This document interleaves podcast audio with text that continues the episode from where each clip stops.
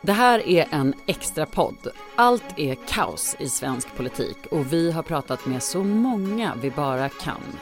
Dessutom, hur är stämningen egentligen i det block som precis har fått igenom sin budget? Och hur kommer en ny S-regering att bli egentligen?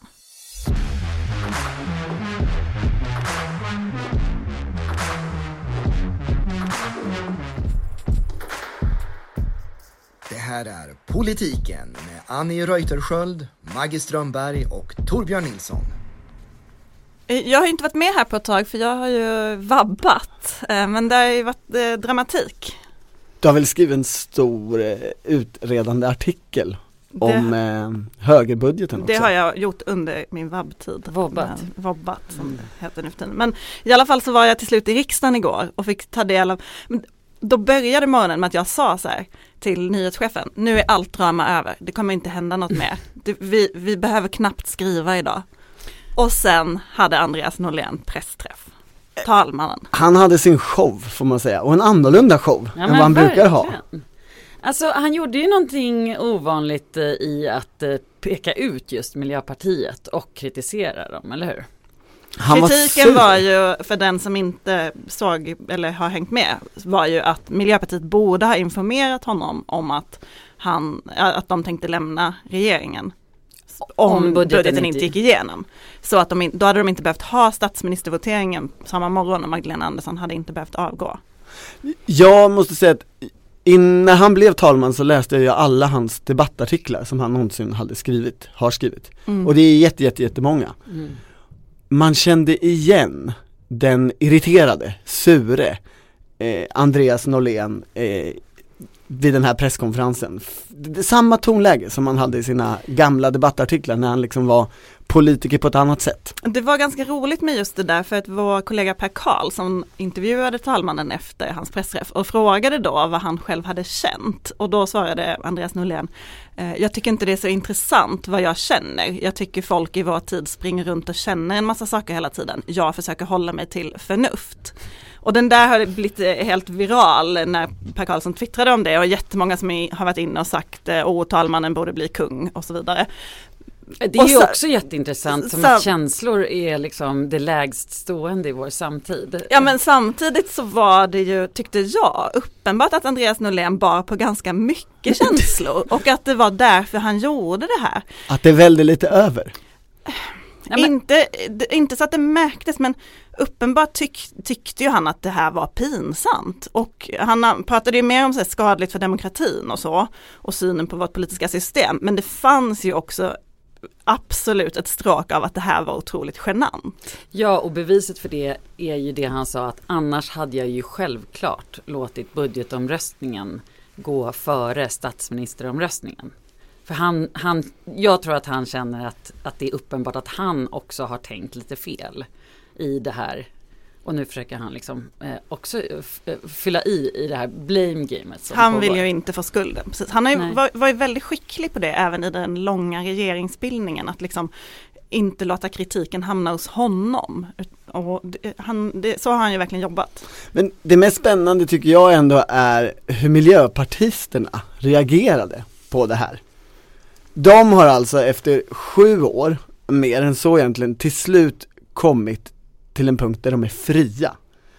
Där de kan säga nästan vad som helst som är jättemiljöpartistiskt. De kan vara i opposition, de kan värva medlemmar, röster, de kan vara lite populistiska.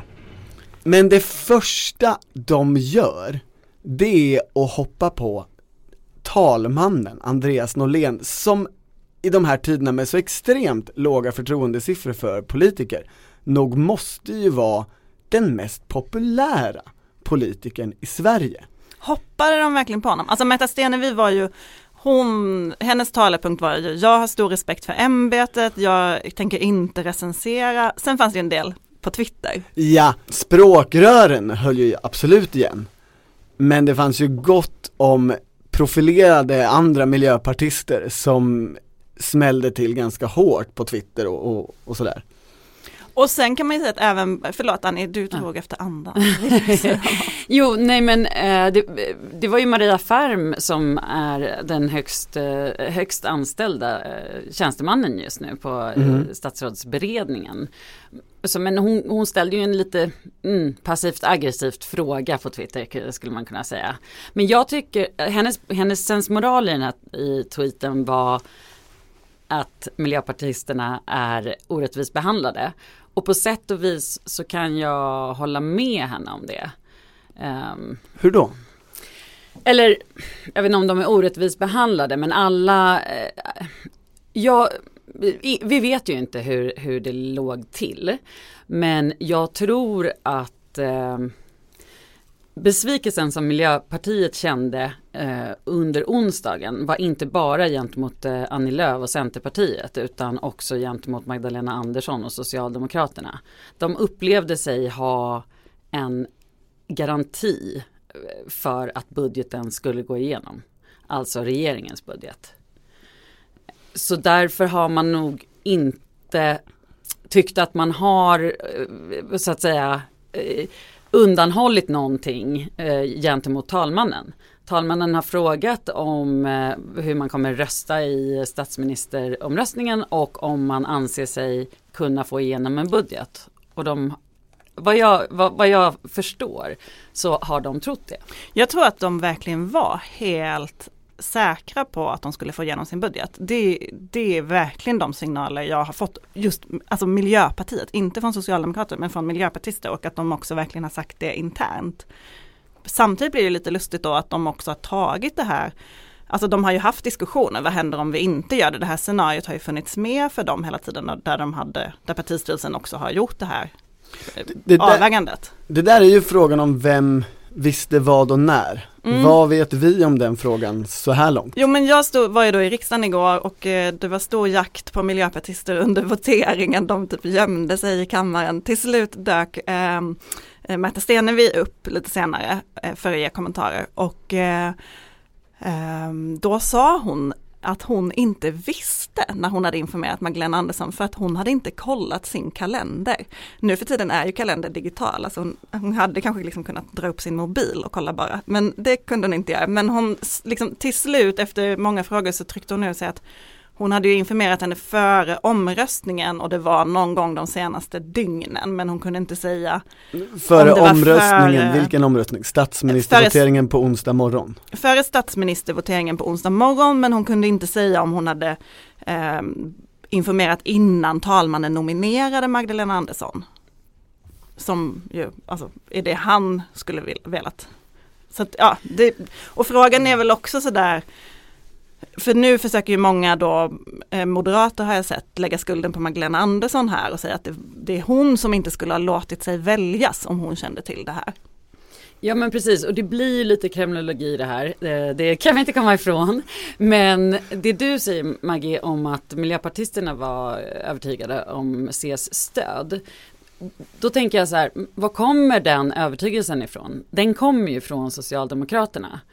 Eh, och jag tror att, alltså det jag hör inifrån Socialdemokraterna är att man på olika plan i alla fall var oroliga för att att man inte gjorde tillräckligt för att eh, försäkra sig om att man fortfarande har Centerns stöd.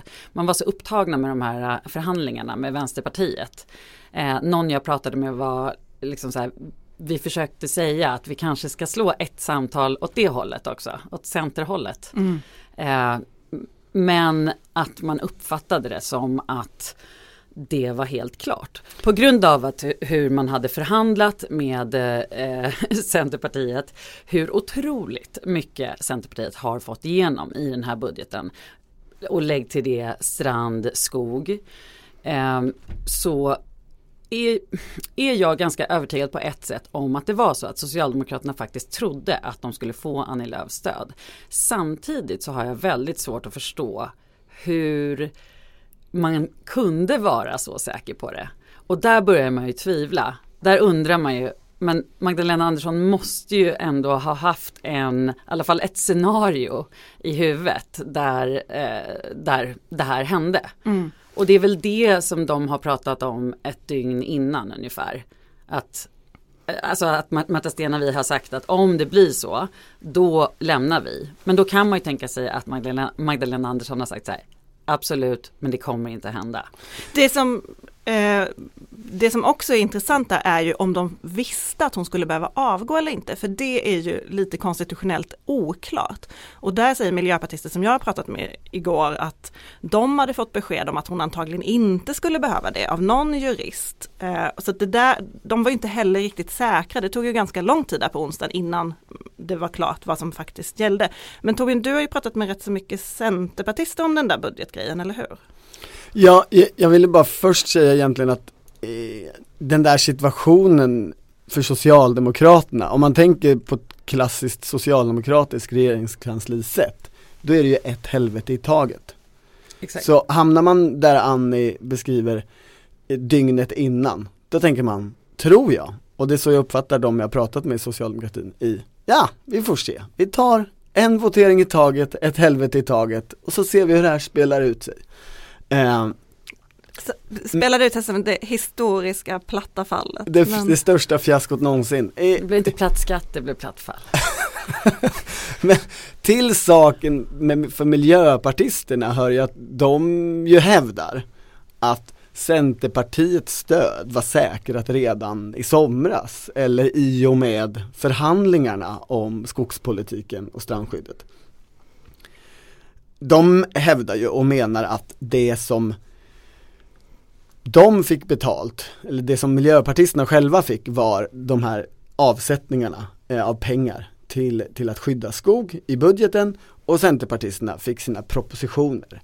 Eh, I de här propositionerna fick nog också Miljöpartiet någon liten fjuttsak. Eh, men där menar ju de att, att det var dealen. Och det förnekar ju Centerpartisterna med intensiv kraft och med underlag om eh, vad som faktiskt skrevs och vad som drogs bort från de där förhandlingarna och att det är helt fel. Kan du vara lite mer precis där, ja, men så att man förstår? Fylla, jag... För de menar väl att man, att det fanns, att från början fanns det hänvisningar till budgeten i propositionen och att det plockades bort? Exakt, det är det de säger har strukit. Så de, de säger att, Centerpartisterna säger att det fanns en medveten och tydlig händelse där kopplingen mellan propositionen och budgeten försvann, togs bort, lades i papperskorgen. Miljöpartisterna har helt fel. Och det spännande i det där är ju, Centerpartisternas argument låter väl rimligt. Å andra sidan då, varför kunde inte Centerpartisterna säga någonting om den här, eh, om deras förhållningssätt till den här budgeten förrän Vänsterpartiet och Socialdemokraterna hade förhandlat klart?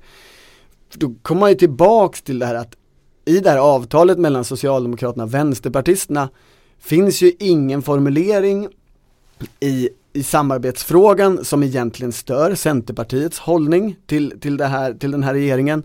Det finns eh, en budgetsatsning om pensioner som Annie Lööf och Centerpartisterna egentligen inte uttalar sig om under hela den här processen. Nej, det tycker jag är spännande. De duckar den frågan helt och hållet. Utan det fanns en massa hänvisningar till sossekongressen, reformister och, ja, men nu och, och sosseförslag. Ja men och då vill jag bara säga då kunde väl de ha sagt det efter sossekongressen? Ja. Nej, nu går ni för långt vänsterut, vi tänker inte stödja er budget. Ja men precis Torbjörn, det, det, allt det där är ju efterkonstruktioner som Annie Lööf sa på sin pressträff. För att om det skulle vara logiskt på något sätt så hade de ju eh, inte röstat fram Magdalena Andersson eftersom det ändå på något sätt hade med Nooshi Dadgostar och Vänsterpartiet att göra. Men låtit budgeten eh, gå fram. Men det fanns ju ingen logik i det här mer än att Centerpartiet behövde visa sin självständighet. Det är jag ganska övertygad om. Plus att det finns ideologi i detta parti som jag tyckte lös igenom när Annie Lööf pratade på den här pressträffen. Hon fick äntligen vara höger igen. Mm. Eh, och det var som en revansch nästan i hennes tonläge. Att alltså så här, ni kommer aldrig få mig att hålla på med de här jävla vänsterpartisterna. Skämtar ni eller? Jag hörde en annan intressant, ett annat intressant argument för en som en centerpartistisk riksdagsledamot som var väldigt glad över att det hade blivit som det hade blivit. Eh, som förvånade mig lite, för det argumentet var att nu kommer ju liksom, hur de än hade gjort så hade väljare blivit sura på dem. Men nu kommer de då tappa väljare vänsterut istället för att tappa väljare högerut och då kommer det liksom, då, då ska de säkra på det sättet att det inte blir en SD inflytelserik regering nästa år. Och jag bara, fast det måste ju betyda att ni nu ser er som vänsterblocket om ni vill dra väljare dit. Mm. Det gick inte den här personen med på, men det var en eh, Jag tycker det är väldigt symptomatiskt förklaring. för Centerpartisternas eh, resonemang just nu. Eh, det är inte mycket som går ihop där just nu. Men om det där var Centerpartiet, vad, eh, ska vi säga någonting om Miljöpartiet? De har lämnat regeringen, det här har vi spekulerat i om i ett halvår. Ska det bli så här eller inte? Nu blev det så här. Ett år? Ett år kanske, jag vet inte, herregud, sedan 2014 har vi väl spekulerat om detta. Um, hur skulle ni säga kommer det här att påverka Miljöpartiet nu? Varför gör de så här? Alltså ibland så känner jag lite så här, varför hatar Gud eh, Miljöpartiet? alltså när den här eh, vit maktpersonen hade jobbat på SD. Det tog liksom två minuter så hade, så hade samma person jobbat på Miljöpartiet. Och när de lämnar till slut regeringen på en rimlig sakfråga och värderingsfråga som de har pratat om länge så blir de liksom ovän med talmannen och eh, syndabock för allt. Typ. Men är det verkligen Gud som hatar Miljöpartiet? Är det bara inte Miljöpartiet som är väldigt oskickliga? jag, eh, jag vill inte förringa de som tror på Gud, men jag skulle också gå på den linjen att, att här har man möjligen ett eget ansvar. Till exempel, jag tycker man krånglar in sig direkt. Det fanns, vi, vi tänker inte medverka till, till att sänka skatter på, på bensin och diesel. Bra, tydligt, klimat ni gick på klimatet. Dröjer inte många minuter innan de ändå bara Och sen är det ju det här att det är en SD-budget också. Jag förstår att de tycker så. Kan inte välja? Ni har ett spår där ni kan bli klimatintressanta. Mm. Välj det, håll käften om det andra. Jag förstår inte det här partiet. Nej, Eh, det är, är kanske jag som är, som är inkompetent. Nej men då är vi två som är inkompetenta i alla fall. Men eh, en sak som jag reagerade på eh, var Lena Melins eh, kommentar eh, på Aftonbladet och vi var i P1 Morgon eh, tillsammans och pratade eh, där väldigt tidigt på morgonen. Så tog vi en taxi tillbaka och hon pr pratade om att hon skulle sitta i direktsändning hela, eh, så hon kunde inte komma ner till riksdagen, vilket hon tyckte var väldigt tråkigt.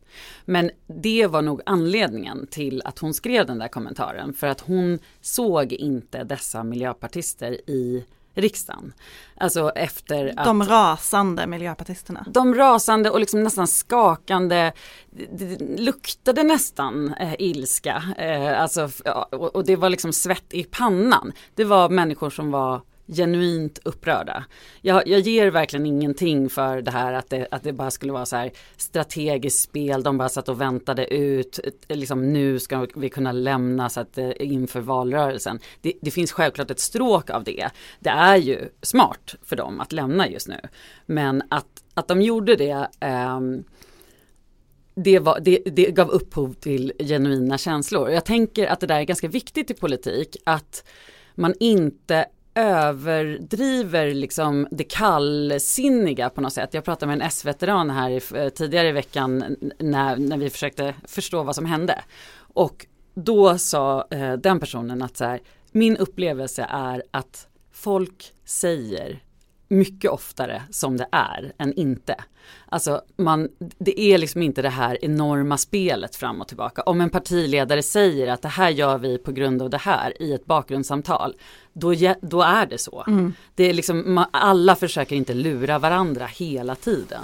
Jag tror, eh, jag tror att du har rätt i det där att det verkligen fanns en genuin känsla där. Jag pratade med en eh, central miljöpartist igår som ändå sa så här vad tråkigt att vi inte gjorde det här 2015 på migrationen då den här genuina känslan också fanns att vi faktiskt borde lämnat och att, att, liksom, eh, att allting var, alltså måttet var rågat eller vad man säger. Men samtidigt så är det ju, det är ju i en helt annan situation nu där det också är positivt för partiet att lämna. Hade man lämnat efter att bara suttit i regering ett år så hade man liksom framstått som helt hopplösa, regeringsdugliga, kunde inte hantera en jättesvår kris. Nu är det ju ändå positivt för dem att lämna, förutom då, om man bortser från kaoset, ja men de lyckas de lyckas lämna på en fråga där de inte gör sig till ovän med Socialdemokraterna. Och det är ju smart för framtiden. Att det inte är sossarna de har bråkat med och hoppat av, utan det här handlar om Centerpartiet och det handlar om alltså oppositionens och budget. Talmannen då. Och, ta, och talmannen. Ja. Okej, de har inte många vänner kvar, men Och dessutom är det inte så mycket eh, kvar på den här mandatperioden Nej. att göra för det har ju alltid varit argumentet annars att vi vill ju få igenom sakpolitik. Men det är en intressant aspekt av det där och det är ju att miljöpartisterna har ju haft väldigt svårt att komma överens med Stefan Löfven. Det är ju ingen hemlighet. Och det fick jag en ännu starkare bild av under onsdagen när jag pratade med miljöpartister. För det var många som var besvikna på Magdalena Andersson för att man sätter så mycket hopp till henne. För att man har märkt att hon förstår Miljöpartiet mycket bättre. Hon är mer välvilligt inställd. De ser liksom fram emot att samarbeta med Magdalena Andersson på ett helt annat sätt än med Stefan Löfven. Det var till, till och med någon som sa så här att jo men alltså när vi satt i budgetförhandlingar och saker hissades till högsta ort då visste vi att då var det kört. För att när det kom till Stefan Löfven vann Centerpartiet. Mm. Det är ju jätteintressant. Det, har, det pratades ju väldigt mycket om eh, att Miljöpartiet nu har satt sig i en krånglig sits för att de har ett kongressbeslut på att alltid rösta nej till regeringar de själva inte ingår i. Och det där vet jag att eh, det har ju miljöpartister pratat om i många år så jag trodde faktiskt också att det var så att det var ett kongressbeslut. Men sen när jag letade efter det där kongressbeslutet så kunde jag inte hitta det. Nu tänkte jag guida alla de här upprörda twittrarna som har bråkat om det här de senaste dagarna för jag har gjort djup research om vad som egentligen gäller. Varsågod. Jag ringde till slut till Gustav Fridolin. Det var min djupa research. När jag inte kom längre så jag bara, jag ringer Gustav. Och han började rabbla utan betänketid hur det låg till. Um, det, det, är faktiskt så att det här är ett beslut som har tagits i partistyrelsen. Det är ett, ett partistyrelsebeslut. Det togs första gången 2002. Det var ju när man försökte få sossarna att börja att släppa in Miljöpartiet i regering. Ehm, det var på Peter Erikssons tid. Man man ändrade sig ju sen direkt för man kom ju inte in i regering då, man budgetsamarbetade ju den mandatperioden så man bröt mot det där eh, löftet direkt. Sen när man haft det där eh, beslutet har tagits liksom inför varje val, men i partistyrelsen. Så partistyrelsen är också fri att ändra det när man vill. Och det gjorde man ju i regeringsbildningen 18, när man försökte få en eh, centerpartistisk och liberal regering som man skulle stödja. Minns ni den där? Det var en väldigt kort fas i den där regeringsbildningen. när vissa ville ha den där mittenregeringen. Det sa ju typ alla Men nej då, till. var det när Annie Lööf sonderade? Då skulle Mm. Annie Lööf vara eh, statsminister. Då hade ju hon varit den första kvinnan. Men, ehm, men Gustav sa också till mig att jo men det där har ju sen kongressen bekräftat i olika sammanhang. Så han sa också att det fanns ett kongressbeslut. Fortsatte jag leta efter det där kongressbeslutet för man vill ju ändå ha saker på papper för att vara helt säker. Hitta inte det. Till slut så ringde jag till, eller jag tog kontakt med Jon Karlfeldt, den gamla sammankallande i partistyrelsen, som är en formalia-nörd på Andreas Norléns nivå. Och han började då söka i gamla protokoll och ägnade hela gårdagskvällen åt detta och kom fram till att det finns inget kongressbeslut. Det finns bara ett partistyrelsebeslut. Då så. Mm. Då har ni svar på tal. har Ja, vi. En vi toppar med det. nyhet. Hörni, för Miljöpartiets del kan man ju också säga att det här kommer riskerar att innebära en brain drain. Nu blir de ju av med ganska många personer som inte kan anställas i partiet och som väl får liksom jobba ideellt i valrörelse eller hur de ska lösa det. Men Och ska- ska man ju säga att det är ju de klipskaste som eh, rekryteras till regeringskansliet ofta. det hävdar de själva i alla fall med bestämdhet. Det finns ju andra partier här. Hur påverkar eh, den nya situationen Socialdemokraterna? Ja, alltså det där tycker jag är lite kul för på något sätt så har ju ändå Magdalena Andersson framstått lite som vinnaren i allt det här. Socialdemokraterna får en enpartiregering, hon har jättehöga förtroendesiffror etc. etc. Men jag kan ändå känna att är det inte det här Socialdemokraterna ska vara så bra på? Är det inte liksom deras största USP att det här kan de? Makt- Regera. regera, maktspel, liksom få olika partier att göra som de vill. Här har de uppenbarligen misslyckats. Mm. Men det Eh, där är ju också en, en, en, det är ju den borgerliga skräckbilden av socialdemokrater. De kan aldrig förlora, de är omöjliga att liksom ta ner. Ja, men jag har också hört det från många andra håll att så här, ja, men om det är något de kan, så här, det här Mm. jo, är jo, de bra Det är på, självbilden liksom. också, absolut. Ja, och jag, mm, jag tror att den är lite naggad i kanten nu faktiskt. Mm. Jag tror att man har gjort vissa missbedömningar. Precis tvärt emot det här lilla drevet på Twitter om att man skulle haft liksom någon slags sluggplan att göra att allt skulle bli exakt så här. Men man får ju ändå säga att under de sju timmar som Magdalena Andersson eventuellt var statsminister så visade hon ju, ehm, hon gav ju svar på en fråga som har vevats väldigt mycket inför att hon skulle då eventuellt bli vald. Eh, det här med hennes humör. För hon var ju inte arg Nej. en enda gång. Hon var ju lugnast under onsdagen. Jag frågade också några miljöpartister, har hon skällt på er nu när ni satte henne i den här situationen? Och de bara, nej hon verkar mer ledsen. Eh, hon var ju lugnare än talmannen till och med. Ja, vilken konstig pressträff det där var alltså, den här sista där hon fick eh, begära sitt entledigande. När alla bara skrattade. Ja, och hon skrattade ju till lite grann men hon höll ju också på något sätt på att börja gråta nästan såg man i ögonen. Alltså av så här, vad, vad, vad hände nu? ja, det var konstigt. Men ja, nej men jag håller med. Det, Men vi, jag tänker jag gynnar Socialdemokraterna, alltså det är ju en väldigt ovanlig roll för dem eh, och strider mot självbilden men här är ju de ett offer mm, i men en kan del, de i regera? en del människors ögon och det är ju någonting man kan använda i opinionsbildning. Det är ju otroligt osäkert om de kan regera efter nästa val. Det har ju aldrig sett så osäkert ut som i denna stund faktiskt. Absolut, men och det ställer ju den här större frågan om är regeringsfrågan eh, viktig och på samma sätt viktig för väljarna som den har varit sen liksom alliansåren? Jag är inte säker på det.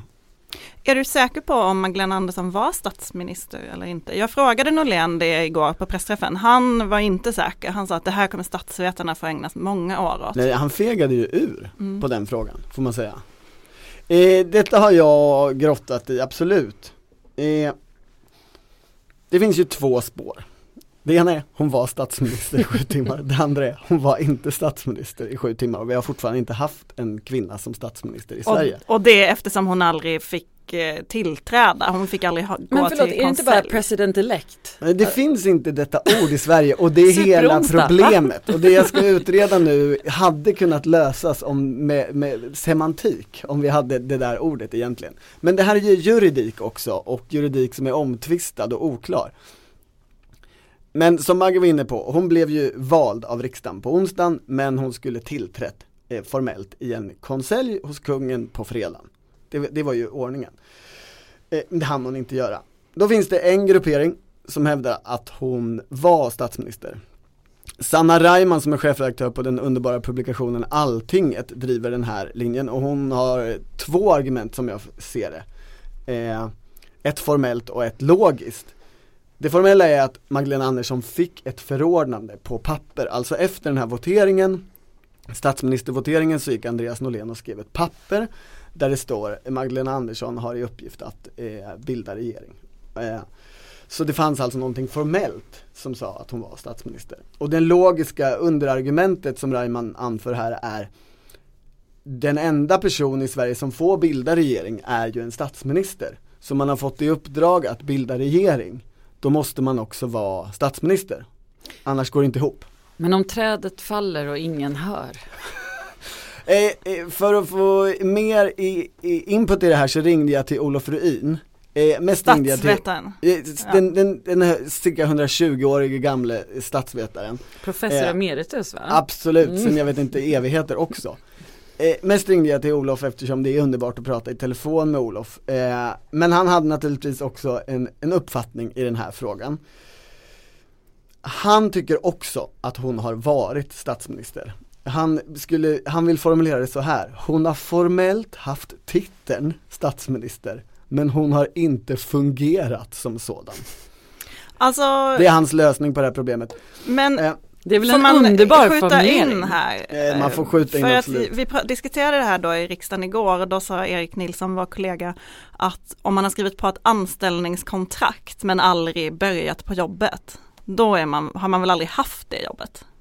Då har man aldrig varit det även om man har skrivit på kontraktet. Jag har inte gått igenom eh, den arbetsrättsliga lagstiftningen här så jag, jag, vill, jag vill inte in där. Men eh, motsidan, Ja. för det finns ju en motsida och den, den företräds framförallt av Jan Theorell, eh, välmeriterad uppburen statsvetare, idag aktiv.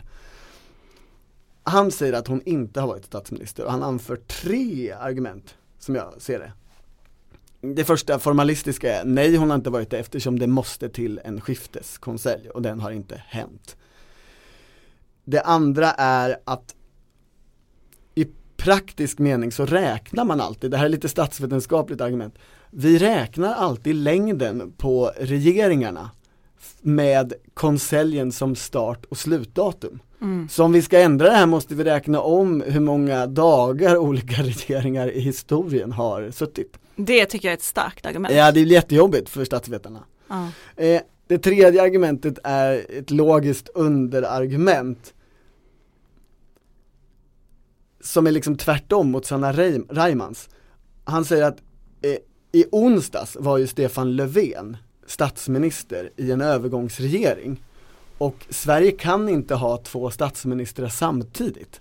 Alltså kan inte Magdalena Andersson ha varit statsminister i sju timmar. Eh, för då skulle vi bryta mot grundlagen och säga att vi har två statsministrar samtidigt. Allt detta Mm. eftersom vi inte har ordet president elect i det svenska språket. Så antingen så kan ju folk skriva om eller förtydliga lagstiftningen kring det här eller så kan man bara skapa ett ord och börja använda det. Annie Ah. Lööf kanske kan hitta på något, hon är ju bra på nyord. Vänsterpartiet känns ju ändå som en ganska solklar vinnare i det här. Det enda eh, som inte pratas om så mycket kanske det är att de är också en katalysator ju för hur Centerpartiet faktiskt agerade. Alltså jag är ganska övertygad om att Centerpartiet blev för provocerade av den här pensionsöverenskommelsen och att det var därför de agerade som de gjorde. Så ja, eh, Vänsterpartiet kan man säga att de är både vinnare och katalysator av kaoset. Alltså de vann väl slaget men verkar ju förlora kriget om det inte går att, alltså om det inte går att få ihop en vänsterregering efter nästa val. Ja och i den meningen så är ju alla de här fyra förlorare, för allas upplägg byggde ju på att det fanns en socialdemokratisk statsminister som genomförde politik som de ville ha. Och om det inte finns en socialdemokratisk statsminister som genomför politik som Annie Lööf och Nooshi Dadgostar och Märta Stenevi vill ha, ja, då får de inte igenom någon politik. Det var en onsdag i alla fall det här och lite en torsdag men eh, det har ju pratats en del om vad den här onsdagen ska kallas. Var det du Annie som myntade begreppet superonsdagen? Nej, absolut jag inte. Men jag har använt det flitigt. Ja, och då, jag känner så här i efterhand att det där är ju en sak man eh, Folk varnar tidningar för ibland att om ni använder väldigt starka ord, vad ska ni göra när något värre händer? Och det kände man ju lite där på eftermiddagen, shit vi sa superonsdagen redan innan allt kaoset började, Hur, vad ska vi kalla det nu? Så vad ska vi kalla det nu? Men, men superonsdag måste jag bara inflika var ju för att det både var budgetomröstning och statsministeromröstning. Så det, alltså faran med det är väl en amerikanisering eh, mest av allt va? Ja, jag Ja, tänker bara att sen när alltså. man Mm, också, precis. när superonsdagen blev liksom på speed, då var det som att det var svårt att hitta något starkare ord. Men Det- har ni det- kommit på något? Det hemska här, och här måste man ju trampa alla tidigare generationer på tårna, är ju att det korrekta och bästa uttrycket är ju redan taget. Den galna onsdagen. Det här var ju en galen onsdag, där saker hände slag i slag, där liksom en dominoeffekt spelades ut där. Det blev inte alls som det var tänkt. Mm. Men dessvärre så eh, på det mycket politiskt beskedligare 70-talet så eh, la man ju beslag på det här begreppet till den onsdag 4 april 1979 då Socialdemokraterna plötsligt ändrade sig om huruvida man var för eller emot en folkomröstning om kärnkraft vilket i sin, fick, sin tur fick den lilla folkpartiminoritet regeringen att röra sig i samma riktning vilket i sin tur fick, det, det tar man aldrig in i historieskrivningen, Per Gahrton att gå ut från eh, eh, miljöpartist, eller f- f- folkpartisternas rum och tänka nu måste jag bilda ett nytt parti för det här är för jävla förnedrande politiskt spel. Nu ska jag bilda ett miljöparti. Det var det som kallas den galna onsdagen. Så jag har inget annat förslag än att kalla det den supergalna onsdagen. För den här onsdagen var ju mycket mer dramatisk. Alltså den där galna onsdagen på 70-talet, den liknar ju egentligen mest 24 november. När Åsa Romson eh, hade presskonferens i tårar om migrationen, alltså att man ändrade sig drastiskt om en sakpolitisk hållning. Men den här onsdagen vi upplevde den här veckan, den var ju landets styre är uppe i luften och vi skulle liksom beskriva en historisk dag av att det blir en, en kvinna som statsminister för första gången efter hundra års demokrati. Och det blev det inte. Eller som Nya Värmlands tidning skrev, eh, efter hundra år en kvinna på posten, sen började kaoset.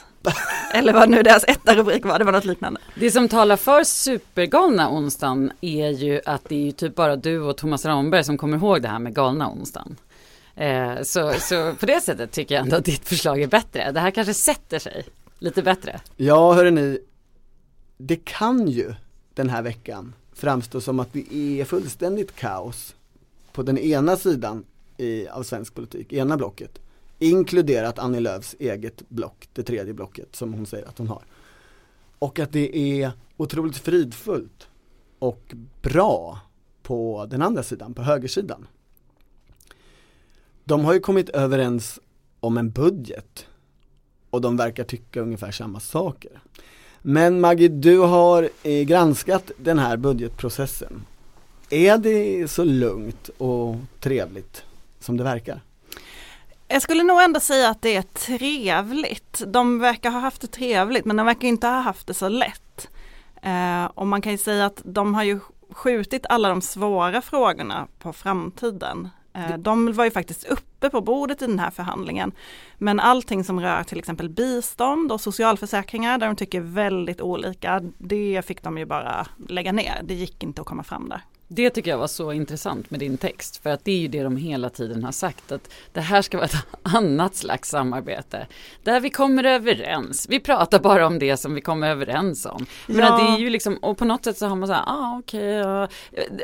det har liksom inte skjutits ner riktigt förrän nu. Alltså för det är ju en omöjlighet. Ja men det är ju precis, det, då är det ju inte politik. Då skulle det ju inte vara fler, alltså inte ens om man var bara ett parti så är man ju överens om saker. Ni känner till Liberalerna. Men eh, så att det, jag menar det är ju en omöjlighet. Men sen var det ju liksom ännu mer intressant tyckte jag själv den här eh, lite så här kulturella delen som alla gav alla tre partier gav uttryck för där man hade ganska svårt att förstå varandra eftersom det var första gången man samarbetade. Partier är ju väldigt olika, fungerar olika, har olika språk och Moderaterna och Kristdemokraterna är ju relativt lika. De har samarbetat länge ihop men Sverigedemokraterna har ju aldrig samarbetat med någon, har knappt en förhandlingskultur i sitt eget parti. Så de, alltså i efterhand när man pratade då med Sverigedemokrater så sa de så här, ja, vi är jättenöjda. Eh, det här var nog en eftergift. Eller var det det? Eh, jag vet inte hur stor den var. Eh, jag är osäker, jag kan inte tolka Moderaterna här. Alltså att de, liksom, även när de pratade med mig i efterhand var så här helt förvirrade över vad var det egentligen som hände och de var hela tiden väldigt oroliga över att inte fatta vad som hände. Det finns ju något gulligt i det du beskriver eh, att de var så nervösa. Att de verkligen var, kände sig i underläge informationsmässigt. Eh, blir vi lurade nu? Eller blir vi inte det? Eh, kan vi tro på det här, kan vi inte tro på det här? De höll ju på väldigt länge som du beskriver med att säkerställa att ingenting nytt skulle dyka upp sista dagen och att de liksom skulle bli, bli blåsta på slutet. Ja men och, jag, och det där märkte ju alla som förhandlade med dem, alltså det där märkte ju Kristdemokraterna och Moderaterna väldigt snabbt och de Kristdemokrater och Moderater jag har pratat med har ju berättat att de ägnade väldigt mycket tid åt att bara så här alltså prata med Sverigedemokraterna, alltså nästan så terapeutiskt bara beskriva de, hur det fungerar och vad de gör och liksom försöka förstå vad de ville. För de hade också svårt att fatta vad var, vad var viktigt för Sverigedemokraterna. Har inte, Tobias Billström, eh, har inte Tobias Billström också varit någon typ av mentor för Sverigedemokraterna den senaste tiden där, man, där han har försökt förklara hur saker och ting fungerar? Alltså de har ju, gruppledarna har ju väldigt nära kontakt. Tobias Billström är ju gruppledare för Moderaterna, Henrik Winge för Sverigedemokraterna och Andreas Karlsson för Kristdemokraterna. Och de har väldigt stor kontakt och, och, och jag tror att det är så som du säger, men det där sker på fler nivåer vad jag förstår det. Alltså också att man försöker, eh, alltså när man pratar med pressekreterare så har Moderaterna berättat för dem hur man gör ett bakgrundssamtal till exempel. Också kanske inte helt, helt korrekt bild av det. Men, eh, Det, men det här de, de nej, verkar stopp, ju stopp, stopp. undervisa Vi mycket. måste, vi måste ta tillfället i akt och berätta vad ett bakgrundssamtal är. Det är alltså ett samtal som en politiker och journalist har där man inte citerar politikern. Det är bara de här två närvarande och det är ingen som spelar in eller så. Moderaterna och, och Sverigedemokraterna har hittat på någon slags ny definition av det här och det är ett arbetsmiljöproblem och eh, det vore bra om det åtgärdades. Men det är ju också viktigt För- att säga i ett bakgrundssamtal att eh, den som lämnar informationen eh, är, är, måste ju vara helt säker på att ingen annan än, de, än reporten som den pratar med eh, får veta att det är just den som har Precis. lämnat det.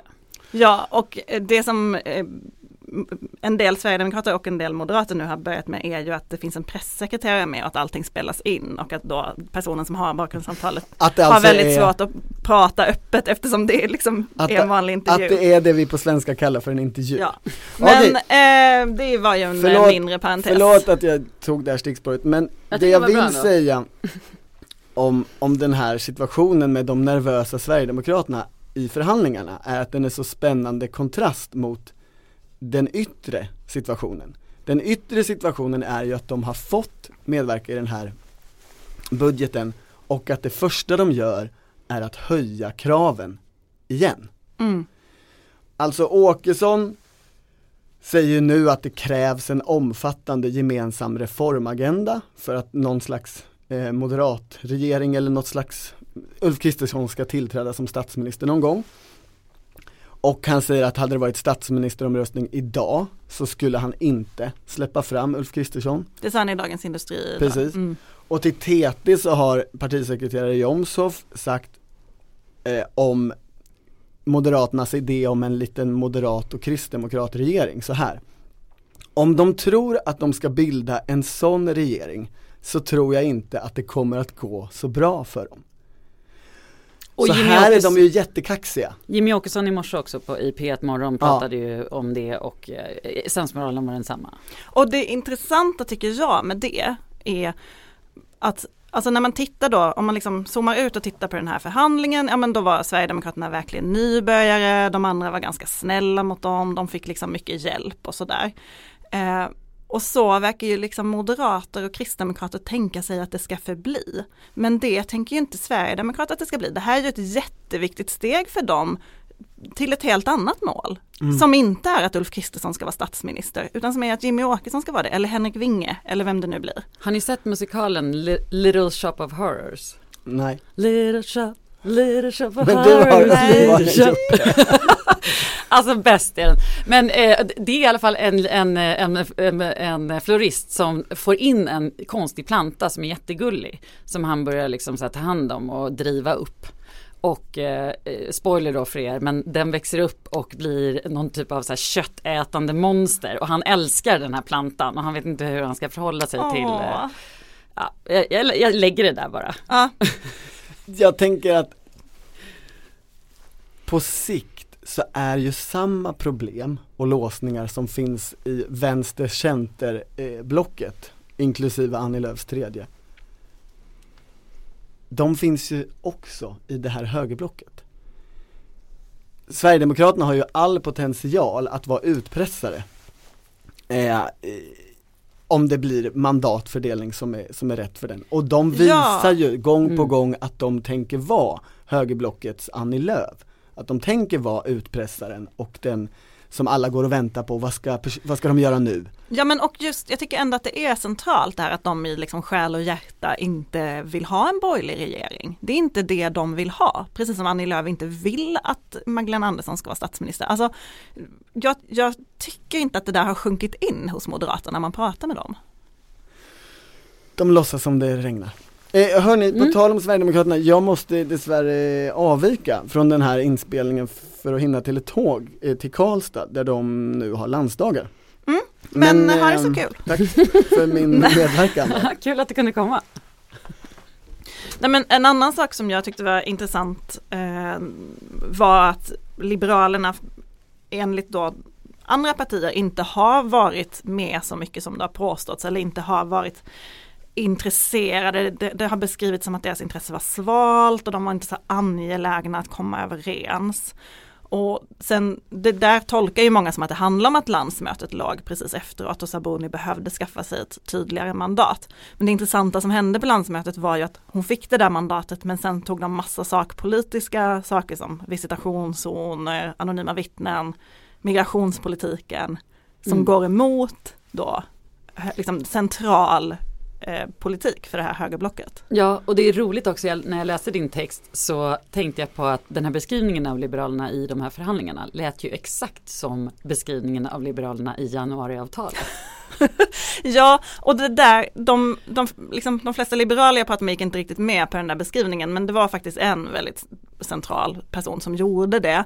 Och den personen sa också att det har ju liksom vi har precis lämnat ett samarbete och det tog tid att hitta sin roll där och nu tar det tid för oss att hitta vår roll här. Om vi liksom man behöver inte kasta sig huvudstupa in i något. Vi liksom, deras mandat behövdes inte. Mm. De ville ta sig den tiden. Och de hade aldrig kunnat vara med eh, och skriva under det där in, före landsmötet. Nej. Så är det ju liksom, Nej. det fattar de också.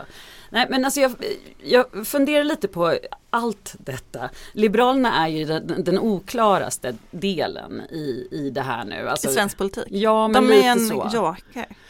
Ja. De kanske kommer vinna bara på det vem vet, alltså vem vet. Men så de är väl lite så bara still in the uh, running to become uh, fortfarande ett uh, riksdagsparti mm. 2022. S har blivit enpartiregering, vänstern har kommit in i värmen. Så, äh, vänta, förlåt. Centerpartiet har eh, i alla fall eh, halvt om halvt kastat av sig vänsterstämpeln. Och M och KD utifrån den här onsdagen eh, kan ju bara skatta sig lyckliga att eh, motståndarna liksom förgör varandra. Mm. Eh, så att jag kan tänka att eh, Egentligen, det ser ju ut som kaos. Vi hade ju rubriken historiskt dålig start. Det var det ju på sätt och vis. Men utgången av allting kanske inte är så farlig för något av partierna just nu alla partier är där de vill vara. Ja, men det lilla detaljen att väljarna eh, är ju jätteförvirrade och känner ju att de inte förstår vad som pågår. Alltså vi förstår ju knappt vad som pågår. Eh, om man då inte skulle vara helt inne i det så är det ju obegripligt faktiskt. Och det är väl den stora förlusten då också för alla partier. Vi brukar ju skriva sådana här guider till läsarna, så här, vad händer nu och varför gör de så här? Och jag kände starkt i onsdags att jag behövde att någon behövde skriva en guide till mig. Verkligen.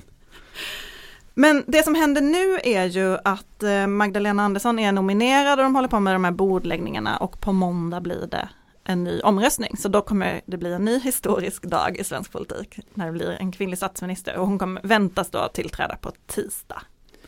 Och så går eh, den socialdemokratiska drömmen äntligen i uppfyllelse och det blir en massa S-ministrar som ja, hanterar henne. för det har ju spekulerats mycket under hösten om vilka ministrar det ska bli men nu blir det ju plötsligt fem nya om de då väljer att ha kvar samma ministrar. Det kan hon ju byta ut också i och för sig, ändra portföljerna. Och det, alltså det är ju sen, det är ju 2006 som man senast hade en en ren S-regering. Det är liksom, man har inte haft en bostadsminister sedan 2006, man har inte haft en kulturminister sedan 2006, man har inte haft en miljöminister sedan 2006. Och det där är det ju liksom många i partiet som har varit ganska men vad ska man säga, nedstämda över. De tycker att i och med att man inte har haft de där posterna så har, har man inte heller haft en tillräckligt bra eh, politikutveckling på de områdena. Så på, och det hinner man väl kanske inte göra på tio månader. Men jag tror ändå att det finns en stor glädje över att man ska få liksom vara talesperson för regeringen i de här frågorna. Vilka kan man tänka sig då? Alltså det, det, det mest intressanta är såklart finansminister. Ja. Och du, du tror att det blir Damberg? Eller? Nej jag tror inte det. Nähä! Jag tror jag har Mikael mig. Damberg ja. alltså. Inrikesministern. Han har ju varit, legat på topp i spekulationerna. Och precis, men nu eh, har jag hört eh, några röster och det är väl din eh, häst egentligen, Emma Lennartsson som tidigare var statssekreterare. Mm -hmm. Nej, jag har aldrig trott på henne. Inte? Eller jo, jo det var nog en väldigt, en väldigt kort fas där under S-kongressen där det slog mig att det vore ju det enklaste sättet för Magdalena Andersson att liksom utnämna sig själv till finansminister på något Mm. sätt. Att ta sin eh, tidigare statssekreterare som hon är väldigt nära.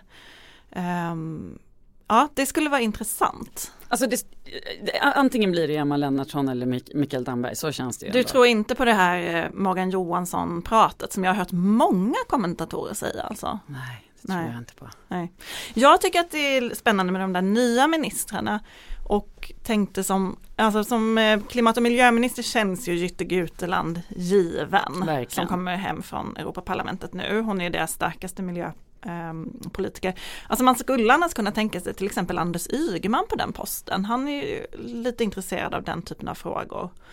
Men, eh, men jag tror ändå på Jytte. Ja, det, gud, det tror jag också. Ehm, och bostadsminister, Jag har ett förslag. har du? Berätta. Ja. Lennart Weiss. Ja, men alltså berätta om vem denna person är. Ja, men han eh, har i alla fall varit vd för eh, byggbolaget Veidekke, hur säger man, Veidekke, ja.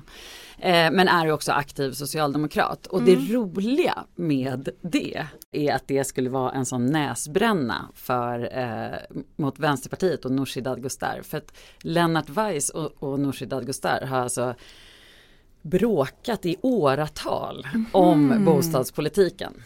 För att han har haft ett uppdrag att, att utreda för Socialdemokraterna vad Socialdemokraternas bostadspolitik ska eh, vara Ja. framåt. Och det gjorde han samtidigt som Nooshi Dadgostar hade den här utredningsuppdraget för regeringen. Just det. Där hon ville framförallt se Innan då, hon blev partiledare. Ja, där hon framförallt ville se fler hyresrätter. Och de var som hund och katt. Alltså när man pratade med dem så var det, alltså det var en personlig vendetta och det, eh, de, de har ju helt olika utgångspunkter. Så att, eh, Intressant. ja, det kanske inte alls Ja. blir han, men det hade Men det ett hade spännande namn. Jag tänkte ett eh, namn som jag tänkte var Katrin Stjernfeldt Jamme, kommunalråd i Malmö, som är väldigt också bostadspolitiskt intresserad och eh, man kan tänka sig att de kommer alltså att Magdalena Andersson behöver ge lite till skåningarna efter Hon att de var först nominerade. De känner ju varandra, de satt i den där arbetsgruppen tillsammans för jämlikhet. Just det, och Ja. hon känns ju också som ett namn, ett ministernamn oavsett lite. Ja. Om det inte blir bostad blir det något annat. Och eh, kulturministern är ju som vanligt då den som har fått mest uppmärksamhet inför eftersom eh, eh, ja, eftersom det är kultursidorna som skriver om det helt enkelt. Mm. Jag såg att vår kultursida ville att Göran Persson skulle bli kulturminister, tror du på det? Eh, nej. Nej. Vad heter soffan? ja, Ann-Sofie- Ann-Sofie Hermansson. Just det. Mm. Henne pratade vi om igår, det skulle ju vara en kul person att plocka in, tror jag. Men mm. ja, ja, kanske inte som kulturminister dock. Nej, skulle, nej. Men jag har ett annat namn Mm. som jag fick av en kulturkunnig person. Jag måste bara leta upp det här med min mobil. Jo, Linda Zachrisson. Hon var eh, kulturråd i Washington. Eh, sägs ha varit nära eh, Leif Pagrotsky. Och har lett den här omstart för kulturen som Amanda Lind har hållit i, alltså den här coronautredningen om kulturen. Och är en väldigt tung person i kulturvärlden. Men kulturpersoner hoppas ju alltid att det ska bli en person som är tung i kulturvärlden. Det blir ju sällan det. Precis. Laven Reda då? Mm, Vad tror du? Hon är ju ett stjärnskott verkligen. absolut, det tror jag, det skulle inte alls vara otroligt. Hon är ju talesperson i frågorna nu. Och må många internt som lyfter fram henne som tycker att hon är jättebra. Inga män har vi dragit här. Det finns så himla lite män att Vad händer med Thomas Eneroth Um, tror du? Ja det är jätteintressant. Han är ju då, har ju hamnat i, en, i blåsväder. Så vill du be- berätta vad som har hänt? Ja, alltså jag är inte säker på att jag har hängt med alla svängar men det ska ju då ha hänt under S-kongressen eh, på, på någon typ av eh, fest uppe på ett hotellrum och det som han har kommunicerat är ju att han då har tagit eh, handen på ländryggen på någon när han har hälsat på henne.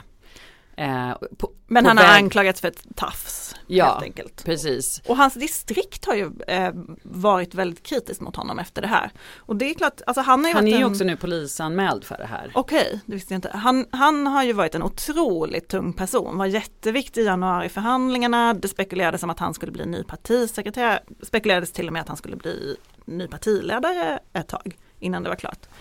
Ehm, men ja, det, det är ju s- svårt att veta hur de resonerar där. Om man Mm. kan låta honom vara kvar. Ja, det, blir, det, är ju, det börjar ju bli ett tema det här med eh, politiker, eh, brott, eh, dömda för brott eller inte och hur partierna ska eh, förhålla sig till de Mm. personerna, eller hur? Mm. Vi får se. På tisdag vet vi. Då kanske vi ska avrunda. Vad Den man? extra långa extra podden. Men det var så se. underbart att få prata lite. Ja. Jag kände igår, jag hade velat rusa in i studion igår också faktiskt. Men, mm. Vi får se om vi måste ha någon till innan måndag. Om det kommer någon twist som vi inte har kunnat förutse.